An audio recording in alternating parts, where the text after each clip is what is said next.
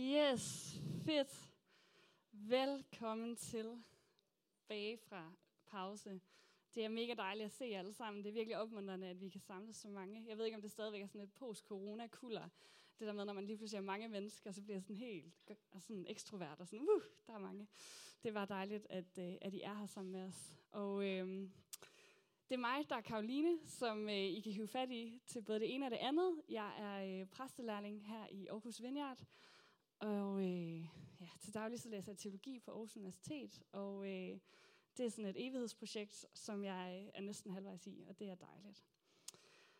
Øh, ja, jeg ved ikke, hvor du er henne i, sådan, i din vandring, i dit liv med Gud. Øh, det kan være, at du... Øh, har, har været kristen i mange år, og identificerer dig med kirke og de værdier og det kirke står for. Det kan være, at du kommer helt udefra og er blevet slæbt med af en ven, eller gået forbi og troede, det var en, en vinbar. Øhm, det er et reelt eksempel. Vi har øh, faktisk et par stykker, som kommer her, øh, fordi de troede, det var en vinbar. De er heldigvis blevet hængende. Øh, Nej, og det kan være, at du er et eller andet sted i det spænd, og øh, lige meget hvor du er, så er du bare sindssygt velkommen til at være med her. Øh, jeg vil dele nogle tanker og nogle refleksioner i dag, som dybest set handler om, hvad det vil sige at leve et liv i tro.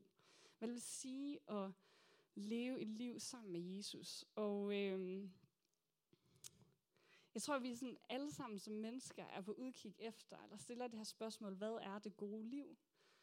Øh, og der er sindssygt mange bud i den her verden på, hvad det gode liv det er. Og øh, her i Aarhus Vineyard, så, så holder vi Jesus øh, højt og siger, at vi tror faktisk på, at han viser os vejen for, hvad det gode liv er. Vi tror på, at han er Guds søn, at han blev sendt til os, og han viser os, hvordan det vil sige at være sandt menneske. Og, øh, og det er noget af det, jeg vil tage udgangspunkt her, øh, eller i her i dag, og men bare sådan lige for at sætte rammen for, for noget af det, jeg kommer til at sige, så er det altså det, at vi tror på, at Jesus han ultimativt viser os, hvad det vil sige at være menneske, hvad det ultimativt vil sige at leve et godt liv som menneske her på jorden. Ja, så det var bare lige en intro, eller sådan en rammesætning, hvis man skal sige det. Og jeg kommer til at bygge lidt videre på en prædiken, som øh, vores anden præst, Anne, hun er her ikke i dag, men hun holdt en virkelig god prædiken i sidste uge om det, der hedder en livsregel. Og I kan høre den inde på nettet, den er blevet optaget og blevet smidt op på vores hjemmeside, så hvis I tænker, at det har jeg lyst til at høre mere om, så gå derind og find det. Men en livsregel, tanken omkring den, det er, at det er sådan strukturer, vi bygger vores liv op omkring. Og det kan enten være bevidst eller ubevidst. Og så delte hun sådan nogle konkrete forslag til, hvordan vi kan øh, bygge sådan en livsregel op bevidst. Hvordan vi kan sådan egentlig bare bevidstliggøre os, hvad det er, vi bygger vores liv op omkring.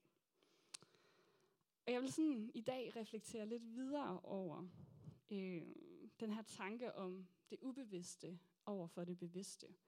Og jeg fik at vide af folk, som var her i morges, at man sagtens kunne høre den, uden at have hørt andres tale. Så hvis ja, lad være at tjekke ud, bare fordi I ikke var her sidste uge. Jeg skal nok lade være at, øh, at referere alt for meget til det. Men tanken er altså, at de her 24 timer, som du hver dag får givet, de ting, du fylder ind i de 24 timer, de former dig, om du er bevidst om det eller ej. Og øh, i dag så vil jeg tage udgangspunkt i et af mine yndlingsvers fra Paulus, øh, Ja, han, øh, han reflekterer over for Korinthermenigheden omkring den gamle pagt over for den nye pagt, som han kalder det. Og for Paulus, der er Jesus som Guds søn, han er ligesom opfyldelsen af den gamle pagt. Og det er den pagt, Gud han lavede med Israel, hvor de skulle overholde Moseloven for ligesom at markere, at de var Guds folk. Og Paulus han skriver at dem, der endnu ikke har set, at det faktisk er gennem Jesus, at Guds genoprettelsesplan, den udspiller sig, de har ligesom fået lagt et slør over deres hoved. De kan sagtens se noget, men de ser ikke fuldstændigt. Og han skriver sådan her til Korinthermenigheden. Dog forhærdedes deres tanker, for indtil den dag i dag bliver det samme slør ved med at ligge over oplæsningen af den gamle pagt, uden at tage sport for det fjernes først i Kristus. Ja, lige til i dag ligger der et slør over deres hjerte, når Moses læses op. Men hver gang en vender om til Herren, tages sløret, sløret bort. Herren er ånden, og hvor Herrens ånd er, der er der frihed. Og alle vi, som med utilsløret ansigt i et spejl skuer Herrens herlighed, forvandles efter det billede, vi skuer fra herlighed til herlighed. Sådan som det sker ved den herre, som ånden er. Hver gang en vender om, tages sløret bort. Og det er et virkelig smukt billede, og det kan måske mest af alt sammenlignes med det her sådan lidt romantiske billede af bruden, der møder sin brudgom ved alderet. Og i kærlighed så oprettes der en ny pagt, hvor begge kan se hinanden klart, og selv blive set klart. Det er det billede, Paulus han bruger for at beskrive det, der sker, når vi træder ind i et liv med Jesus. Han løfter sløret fra vores ansigter, At vi får lov til at se ham. Vi får lov til at leve i en relation med ham, der er så tæt og så intim, at den sammenlignes med to elskende på deres bryllupsdag. Og med den relation, der er åbnet op, så kan man ligesom tage fat i det næste. Og han siger, og alle vi, som med utilsløret ansigt i et spejl skuer Herrens herlighed, forvandles efter det billede. Alle vi, som med utilslørede ansigter, vi får lov til at skue ham og forvandles efter det billede, som vi skuer. Fra herlighed til herlighed ved Guds ånd. Og jeg har givet talen i dag overskriften Tag form. Her i kirken så har vi haft meget glæde af at bruge et begreb, der hedder spiritual formation, eller åndelig formation. Og det er ligesom bare til at beskrive den her proces af, at vores ånd, vores indre formes efter noget. At det formes efter Guds billede, som Paulus skriver her. Men åndelig formation, det er ikke en kristen ting. Det er en menneskelig ting. For vores indre, det formes altid efter et eller andet. Om det er Gud, om det er sekulær akademisk tænkning, om det er opgøret med den familie, som du kommer fra, om det er Netflix, eller om det er noget helt femte. Fordi neoplasticiteten i din hjerne, den gør simpelthen, at du omformes efter det, som du betragter, det du erfarer. Det er videnskabens måde at snakke om det samme på.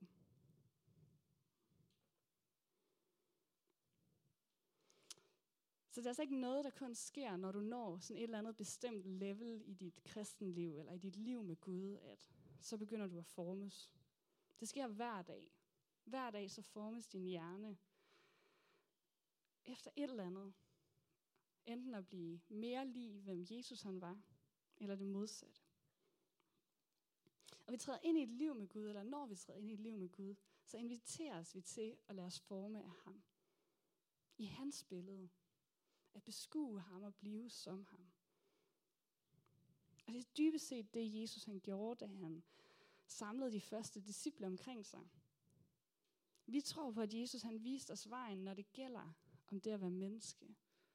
Og som jeg sagde i starten, at han var Guds søn, at han var til stede ved selve skabelsen af mennesket. Og han viste os, dengang han gik her på jorden, hvad sand menneskelighed det er. Og han siger, kom til mig. Se, hvem jeg er. Se, hvad det er, jeg gør. Og lad jer blive formet af det. Og det er dybest set det, der også handler om i dag, når han kommer og siger, følg mig. Se på mig. Se på det, jeg gør. Lad dine tanker og dit liv tage form af det. Bliv i mig og bliv som mig. Vi formes alle sammen af noget. Videnskaben kalder det neoplasticitet. Kirken kalder det åndelig formation. Men vi formes alle sammen som mennesker af det, vi ser og det, vi erfarer. Hvad formes du af? Er du bevidst om det, eller er det noget, der ubevidst sker? Og jeg tror simpelthen, det her det er så afgørende, at vi får frem, at det kommer frem i livet, eller i vores liv med Jesus.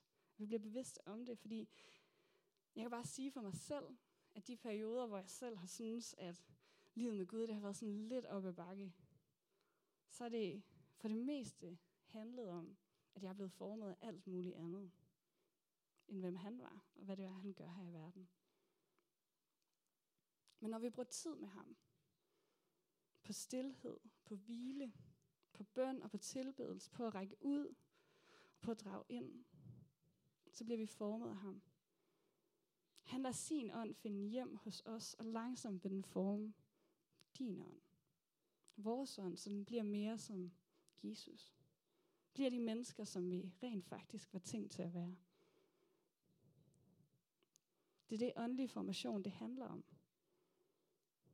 Og det er det, en livsregel kan hjælpe os til. Det kan hjælpe os til at skabe rum for, ved simpelthen at skabe de her strukturer i vores liv. Skabe rum for, at tjeneste og tilbedelse for arbejde og for hvile. Og det er en proces, som indebærer forskellige sæsoner til både at vokse i højden og i dybden, til opbinding, så man kan gro gode og sunde frugter, og til beskæring. Og det lyder jo meget godt, det her med, at vi som mennesker kan blive til de mennesker, som Gud rent faktisk havde tænkt os til at være. At vi kan få lov til at leve et liv, som i højere og højere grad afspejler den Jesus, som vi følger. Men en udfordring, en reel udfordring i det her, det er også, at de her strukturer, som vi kan opstille for vores liv, for at gøre os selv bevidste om, hvad det er, vi formes af, om det er øh, at vi starter med at gøre et eller andet, eller vi stopper med at gøre et eller andet. Fristelsen, det er, at det bliver sådan en indadvendt selvrealisering. Eller selvreflektion, eller sådan life hacks. At vi laver en masse aktivitet, eller afstår fra aktivitet, for at blive til bedre mennesker. Det kan være for at få mere fred, for at få mod, for at få kraft, for at få tålmodighed. Nogle af alle de her ting, som Bibelen kalder troens frugt. Og en af de mest udbredte forståelser af synd, som vi har, og som er blevet brugt op gennem det meste af kirkehistorien. Og synd, det er det, som Bibelen beskriver som menneskets helt store problem. Det er, at mennesket er indkroget i sig selv. Man kan næsten se det for sig i det ord, at mennesket er indkroget i sig selv. Det er så optaget af vores egne menneskelighed, vores egne interesser, vores egen dagsorden, at vi bliver sådan helt båret sammen og kan kun se vores egen navl. Og hvis vores åndelige formation, det vi formes af, ikke lader os vokse, så vi i højere og højere grad bliver mennesker i kærlighed, hvis ikke det driver os i armene på kirken, og her er det altså kirken med stort K, som er det store fællesskab, der er sammen om at følge Jesus og underlægge sig hans vilje. Hvis ikke det gør det, så er det ikke Jesus, vi formes af. I kristendom så taler man om, at Gud er tre. At Gud han er Gud fader, han er Guds søn, og han er Gud helligånd. Gud skaber, eller Gud fader, han skaber. Guds søn, han forløser, og Gud ånd genopretter. I tæt relation til hinanden. Og som efterfølger Jesus, så træder vi ind i den her relation med faderen, med sønnen og med ånden. Det er der, vi, som Paulus beskriver det her, får lov til at skue Herren gennem ånden. Det er der, vi får lov til at forvandles efter hans billede gennem ånden. Og åndelig formation, det er jo bare, at vores ånd formes. Og det er jo en menneskelig ting, som jeg sagde. Men åndelig formation, så vi formes efter Jesu billede. For sand menneskelighed, det er en åndelig ting. Det er Guds ånds arbejde i os. Og derfor åndelig formation, når det er rettet mod Jesus, det er ikke etik eller pæn adfærdsregulering. Det er ikke os, der skal anstrenge os. Det kræver en grad af disciplin til at sortere ud i de inputs, vi får, til at skabe rum for åndens virke i os. Men det er Guds ånd, der har taget bolig i os, som forvandler os efter hans billede, når vi retter blikket mod ham. Og menneskets formål, det er dybest set at elske Gud og elske mennesker. Jesus selv han understreger det som det største bud i loven. Og han viste ultimativt, hvordan det ser ud i hans tjeneste, i hans lidelse og i hans død. Og han gav os Helligånden som talsmand, som Guds tilstedeværelse her på jorden. Til at tale til os, til at lede os og til at forme os. Til at blive den kirke af efterfølgere, der elsker Gud og elsker mennesker. Åndelig formation, så vi formes efter hans billede, det er så dybt vævet ind i Guds fortælling om sig selv og om den her verden. Og hvis man sådan skulle sætte en overskrift på Jesu liv og hans virke, så kunne det være selvopoffrelse. Han gav sig selv for de mennesker, han mødte. De udstødte, de urene, dem der forstyrrede ham. Han gav sig selv på korset for at vinde en endelig sejr over døden, som er syndens. Altså den her indkrogethed i os selv. For at vinde en sejr over det. Og han gav sig selv for, at vi kunne rejse os i hans ånd. Løfte blikket fra vores egen navle. Og se på ham. Og se på den verden, som han elsker. Og han understreger igen og igen, hvordan han kom for at tjene mennesker. Og ikke for at blive betjent. Hvordan Guds rige, som er det, han ønsker at skabe her, Hvordan det er vendt op og ned, så den mindste skal blive den største, og den største skal blive den mindste. Og når han taler om det fællesskab, han ønsker at skabe blandt sine efterfølgere her på jorden, så er det afgørende, at de bliver kendt for deres indbyrdes kærlighed. Og hvis ikke det er det, din ånd formes efter, så er det nok ikke Jesus og hans liv, du tager form af. Åndelig formation, det vil drive os i armene på det fællesskab, med Gud og med hans familie her på jorden. Hvor vi lærer os blive båret, og hvor vi selv bærer med. Og jeg selv, eller kan i hvert fald godt blive en smule provokeret over det her. Og jeg kan også godt føle mig en lille smule afsløret. Det er jo meget nemt at stå her med mikrofonen og sige en masse ting.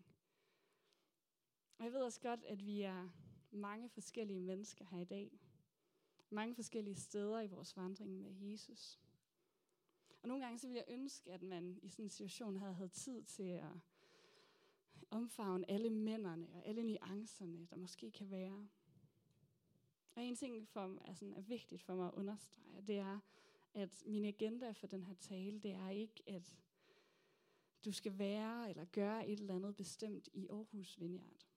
Det er ikke sådan en eller anden reklamesøjle eller rekrutteringskampagne, vi har gang i, for ligesom at få dig til at gøre noget.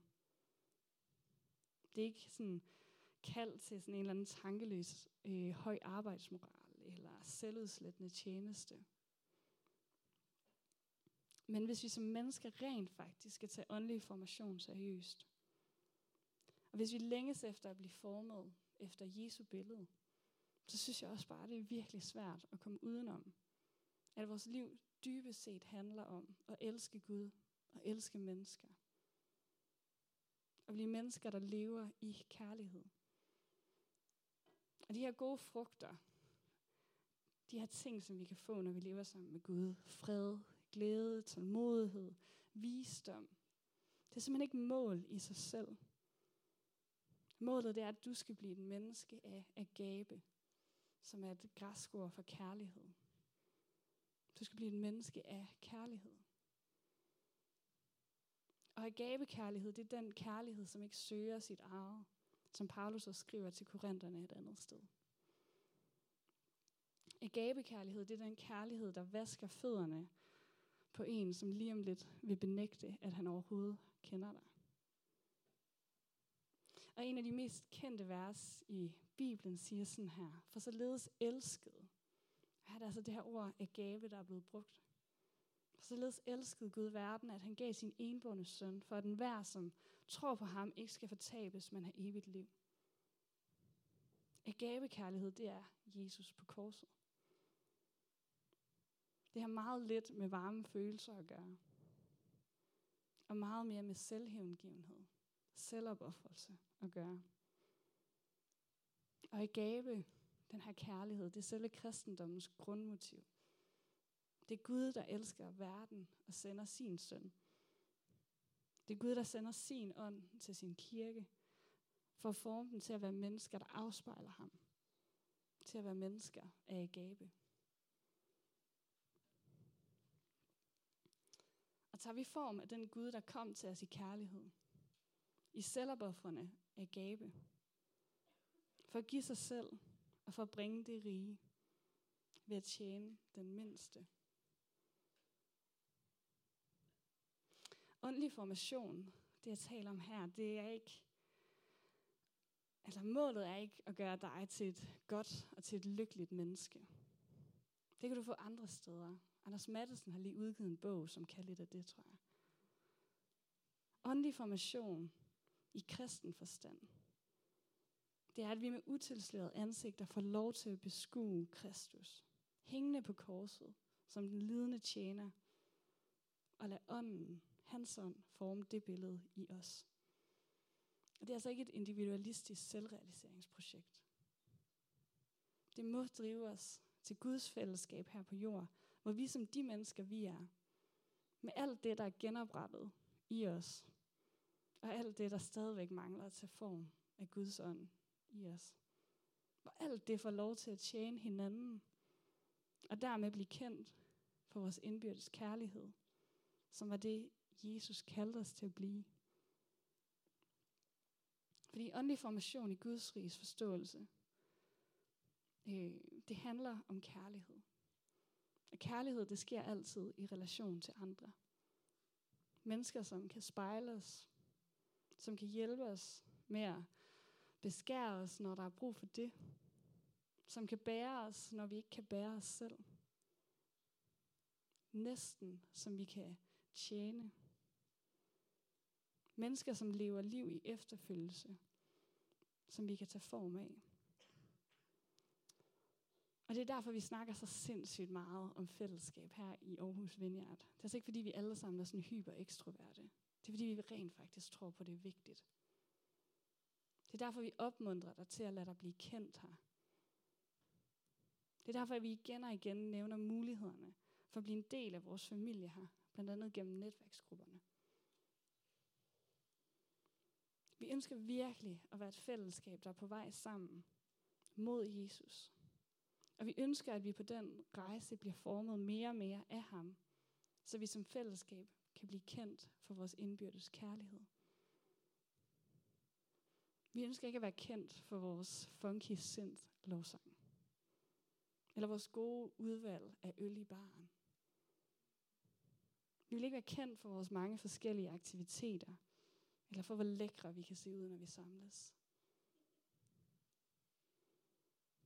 Vi vil være kendt for vores indbyrdes kærlighed. Og hvis jeg sådan skal slutte af med at blive en lille smule praktisk. Hvordan formes vi med utilslørede ansigter af ånden til at være mennesker i agape? Jeg ved ikke, om det er, fordi jeg sådan er særlig kvalificeret til at stå og tale om, hvad det vil, altså, hvordan man bliver et menneske i agape, fordi jeg er også virkelig meget selv på vej i det her. Øhm, og og når det ikke altid helt. I kan bare spørge min mand, han har helt sikkert mange historier om, hvordan jeg også er virkelig utilstrækkelig på det her punkt. Men jeg strækker mig imod det. Jeg længes efter at se Jesu billede formet i mig. Og jeg har også taget vigtige skridt, som har givet Guds ånd mulighed for at helbrede ting i mig for at forvandle mig, så jeg kan træde ud i det liv, hvor jeg får lov til at elske Gud og elske mennesker. Jeg vil som noget af det sidste dele nogle af de ting, som jeg har oplevet som virkelig formativt i min rejse med Jesus. Og en ting, det er at skabe den her livsregel, som jeg har nævnt et par gange. At gøre sig bevidst, hvad det rent faktisk er, vi fylder ind i vores liv hvad det er, vi formes af. Og samtidig bevidst fylde ting ind, som giver rum for, at vi kan lade ånden arbejde i os. Man kan sådan kalde det at pige de åndelige sanser, måske. Brug tid i tilbedelse og bøn. Brug tid i Bibelen for at lære Gud at kende. Se, hvem det var, Jesus rent faktisk var. Men det kan også være at gøre sig bevidst, hvordan vi som mennesker tager form af den verden, vi er en del af. Både på godt og ondt. Og hjemme hos os, så har vi en livsregel, øh, som vi har delt op i seks kategorier. Og inden for de her seks kategorier, så har vi egentlig bare sat nogle ting, sådan det her det er det, vi ønsker at fylde vores liv med. Det her det er det, vi ønsker at gøre. Og de er øh, at blive i ham. Det kan være bøn og stillhed, som vi prioriterer i løbet af vores hverdag under den her. Det kan være kroppen, motion, mad, søvn, arbejde og penge, sindet. Hvad er det for nogle inputs, vi får? Hvad er det, jeg ser på? Hvad er det, jeg fylder ind i mit liv? Hvad der får lov til at forme min tankegang? Så det er gæstfrihed og hvile. Og som I måske kan se, så er det ikke kun kristne eller kirkelige kategorier, som vi har her. Fordi vi ved, at det er alle dele af vores hverdag, som er med til at forme os. Det er, hvordan vi bruger vores penge. Det er, hvordan vi slapper af. Det er, hvilke inputs vi tillader. Og det er, om vores krop har det godt. Det er et forsøg på at rumme hele vores liv, hele vores menneske. At give plads til, at Guds ånd kan forme os til mennesker i kærlighed på alle områder. At vi hviler godt og er modtagende over for det liv, som Gud han har til os. Så vi faktisk har noget at give ud af, når vi møder den anden. At vores økonomi bliver prioriteret, så vi rent faktisk kan være gavmilde og være med til at bære det, som Gud han gør her i kirken og i verden. Noget andet, som jeg har oplevet som virkelig formativt, det er at blive så bevidst om, hvem der er med til at forme dig. En ting er, hvad der former dig. Noget andet er, hvem der former dig. Hvem har taleret ind i dit liv? Vi får så sindssygt mange inputs fra mennesker omkring os. Den familie, du er vokset op i, dine klassekammerater, dine kollegaer, de influencers, du følger, de venner, du ringer til, når du skal fejre noget, eller når du skal sørge over noget. Er det mennesker, som understøtter det, Guds ånd gør i dig? Og det er altså ikke sådan en, det ved ikke, man skal kalde sådan en kampagne, eller sådan en tanke om, at nu skal vi bare lukke os i kristne fællesskaber, og udelukkende være venner med mennesker, som mener det samme, og som kan pege på det. Det tror jeg virkelig vil være usundt for os. Og det er overhovedet ikke det, som Jesus modellerer. Så ikke det, jeg siger, at nu skal vi bare kun have venner, der mener det samme. Det handler mere om, hvem det er, du giver taleret ind i dit liv. En bevidsthed om, hvor mange inputs du får i løbet af en dag, som altså er så med til at forme dig, om du vil det eller ej. Og en visdom til at sortere ud i de inputs. Hvad former mig til at blive det menneske, jeg var skabt til at være? Og hvad gør ikke? Jeg har selv i løbet af de sidste fem år været i en mentorrelation med en kvindelig præst fra en anden kirke, og øh, vi mødes en gang imellem, og så har jeg to timer, hvor jeg bare læser af. Og øh, det er råt, og det er ærligt, og det er sjældent særlig pænt. Øh, det er, hvordan har jeg det? Hvordan går dit liv med Gud? Er du ved at blive til det menneske, som Gud har skabt dig til at være? Og hun lytter til mig, og hun spejler mig, hun udfordrer mig, og hun beder for mig. Og næste gang vi så mødes, så spørger hun ind til, hvad jeg har gjort ved de ting, som vi snakkede om sidst. De ting, som hun gav mig med. Og hun holder mig ansvarlig. Og det er virkelig sundt for mig. Og jeg har ladet hende, en kvinde, som jeg ser op til, og som jeg stoler på, for taleret ind i mit liv. Jeg har givet hende lov til at være med til at forme mig, fordi hun selv med sit liv peger mod Jesus. Og jeg vil slutte min tale i dag med at pege på de her relationer. Dem, hvor vi giver en anden lov til at tale ind i vores liv, og være med til at forme os i hans billede, fordi de selv er ved at blive formet i hans billede. Det kan være en mentorrelation, hvor vi får lov til at team op med en, der er mere erfaren og længere i sin vandring med Jesus, end vi selv er. En, som har gået vejen forud for os, som kan være med til at lede os. Det kan også være i sådan det, man kalder mikroceller, hvor det er mere sådan to eller tre, som står i samme livssituation, som går sammen og opmuntrer og udfordrer hinanden i efterfølgelsen af Jesus. Det er de rum, hvor der er plads til mere sådan intentionel, ærlig proces, end der for eksempel er i netværksgruppen eller i en god vennerelation. Og fælles for begge de her relationer er, at det er et intentionelt rum, hvor vi bevidst lader os forme nogle mennesker, som vi har tillid til, og som peger mod, hvem Jesus er og det han gør. Det er en meget konkret måde, hvorpå vi kan lade ånden forme os gennem andre mennesker, som elsker ham og som tjener deres næste. Og hvis ikke du har sådan et rum eller sådan en relation, så har jeg øh, fået lov til at starte et initiativ her i Aarhus Vineyard, som jeg lige vil slå et slag for, når nu jeg har mikrofonen. Og øh, det hedder, hvem går du med? Og handler om medvandring. Altså det her med at vandre sammen mod Jesus, sammen med nogle andre. Mod at blive mennesker af agape. Og vi vil gerne hjælpe dig med at finde enten en god mentorrelation, eller måske en mikrocellemarker, hvor den her åndelige formation, den kan ske. Og hvis du gerne vil høre mere om det, eller tænker, at oh, det kunne faktisk være spændende øh, at træde ind i på en eller anden måde, så kan man hive fat i mig her efter gudstjenesten, eller skriv til mig på Facebook, eller mail, eller whatever. Så vil jeg helt vildt gerne hjælpe dig med øh, at finde en, og få dig ja, sat godt i gang med det. Hvem formes du af? Hvem har taleret ind i dit liv? Er det Jesus? Og er det mennesker, der opmuntrer dig og udfordrer dig til at blive et menneske af gave? Og alle vi, som med utilsløret ansigt i et spejl, skuer Herrens herlighed, forvandles efter det billede, vi skuer fra herlighed til herlighed. Sådan som det sker ved den herre, som ånden er. Det er det, der er visionen for vores liv med Jesus. At vi må forvandles af hans ånd til at blive mennesker, der elsker Gud og giver sig selv for den her verden.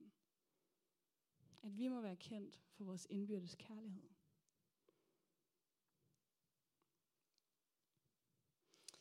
Vi skal til nadveren nu, og øh, nadveren det er jo netop et symbol på Kristus, der giver sig selv for os. Nadveren er fejringen af Guds agabekærlighed til den her verden. Det er her, vi får lov til at tage imod ham. Her, hvor han løfter sløret for vores ansigter, så vi får lov til at skue ham og hans hengivenhed for os. I oldtiden, da man fejrede nadver, øh, da de første kristne ligesom gjorde det, så gjorde man det også som noget, man kaldte agabemåltidet. Nadveren altså i den første kirke var kærlighedsmåltidet. Og det var der, hvor at kirken, når de mødtes til nadveren, så bragte alle det med, de kunne. De gav alle sammen, hvad de kunne, hvorefter at menighedens ledere ville dele det ud til de trængende. Så nadveren i Oldkirken, det var så ikke bare et ritual til at mindes Jesu selvhengivende kærlighed for os. Det er også en helt konkret måde, hvorpå efterfølgere af Jesus kunne få lov til at dele ud af det, Gud havde givet til dem. En måde, hvor de med den samme selvhengivende kærlighed kunne elske mennesker og give sig selv til den verden, de var sat i. Og bare rolig, jeg kommer ikke til at sende en kurv rundt eller sådan noget her. Det er bare for at nævne. Men i nadvaren er vi altså kaldet til at lade os blive elsket af Gud. Til at modtage livet fra ham. Men det er altså en sendelse til at elske de mennesker, som Gud han elsker. Og til at give sig selv hen for dem, han elsker. Ja, der skal med til at dele nadver, I må godt komme frem. Fedt. Den måde, vi laver, gør det på her i kirken, det er, at øh, vi går ligesom sammen op øh, midtergangene her, går ud, så er der en station ved hver side for øh, brød og vin, eller saft. hvis man vil have det. Øh, og så går ned, tager det med ned på jeres øh, plads, og så indstifter jer det, når vi er samlet her igen. Ja, fedt. Velkommen til nadver.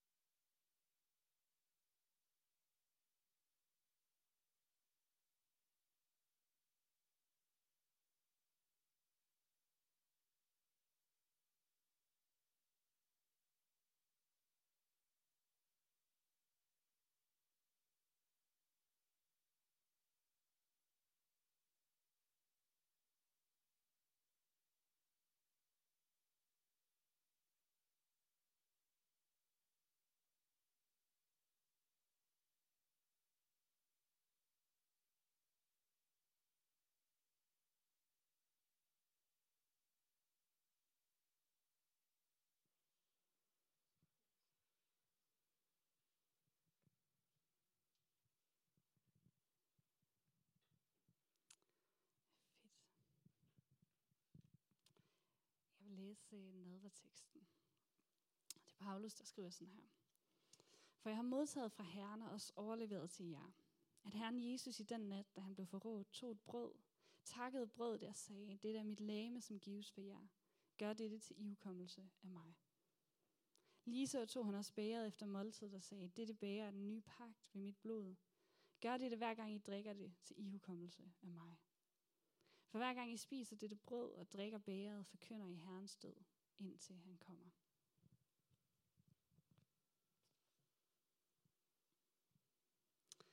Det er der Jesu Kristi læme brudt for dig.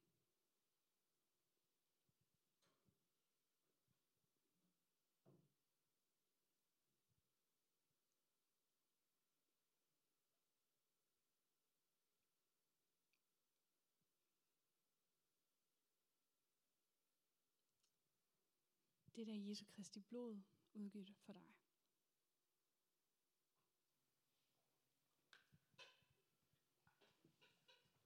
Fedt. Jeg har ikke lyst til at rejse jer op, og så slutter vi af med at bede sammen. Og øh, der bliver mulighed for forbøn her under den sidste. Vi kommer til at spille nogle øh, flere lovsange. Øh, og der vil være mulighed for, hvis du har lyst til at bede sammen med en eller anden. Det kan være omkring noget af det, som du har hørt, jeg har sagt. Det kan også være noget helt andet, at øh, en sygdom, eller noget, du går og bekymrer dig om, eller et job, du længes efter, eller noget, du gerne bare vil takke for. Det kan være alt muligt. Så øh, har vi nogen, som helt vil gerne vil bede sammen med dig. Og øh, det kommer til at foregå her på hjørnet, så tak kom, øh, kom op. Øh. Men jeg kunne også godt tænke mig, at vi lige bad sammen, alle sammen. Øh, og inviterede Guds ånd til at komme. Så jeg har ikke lyst til at være med til det. Vi beder kom Helligånd. Kom til det her sted. Øh, vi tror på, at du er god. At du som Gud Fader er en god far, der ønsker at drage os ind til dig. Som har skabt os med en tanke, med en intention, med et formål. Vi tror på, at du som Guds søn har banet vejen for, at vi kan få lov til at være, være sammen med dig, for at vi kan få lov til at blive som dig. At du har vist, hvad det vil sige at være sandt menneske. Det er det, vi får lov til at læse om i, i Bibelen, i historien om dig. Vi tror også på, at du som Gud ånd kommer til os.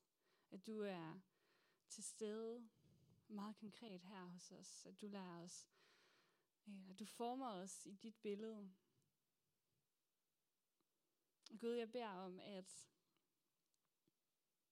vi må kunne træde ind foran dig med utilsløret ansigt. At du vil tage sløret bort. Og at vi må kunne lægge det frem, som vi har i vores hænder for dig.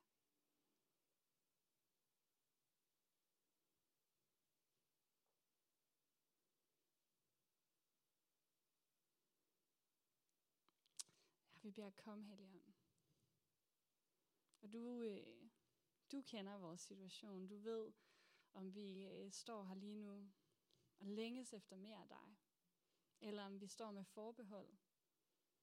Om vi er forvirret, om vi er usikre, eller om vi ja, dybest set bare øh, ikke ved, hvad vi egentlig mener om det her.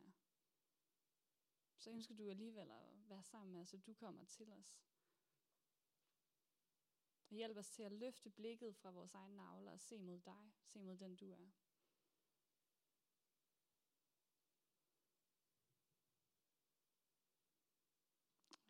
Tak, at du elsker os, så vi kan elske den her verden, som vi er en del af.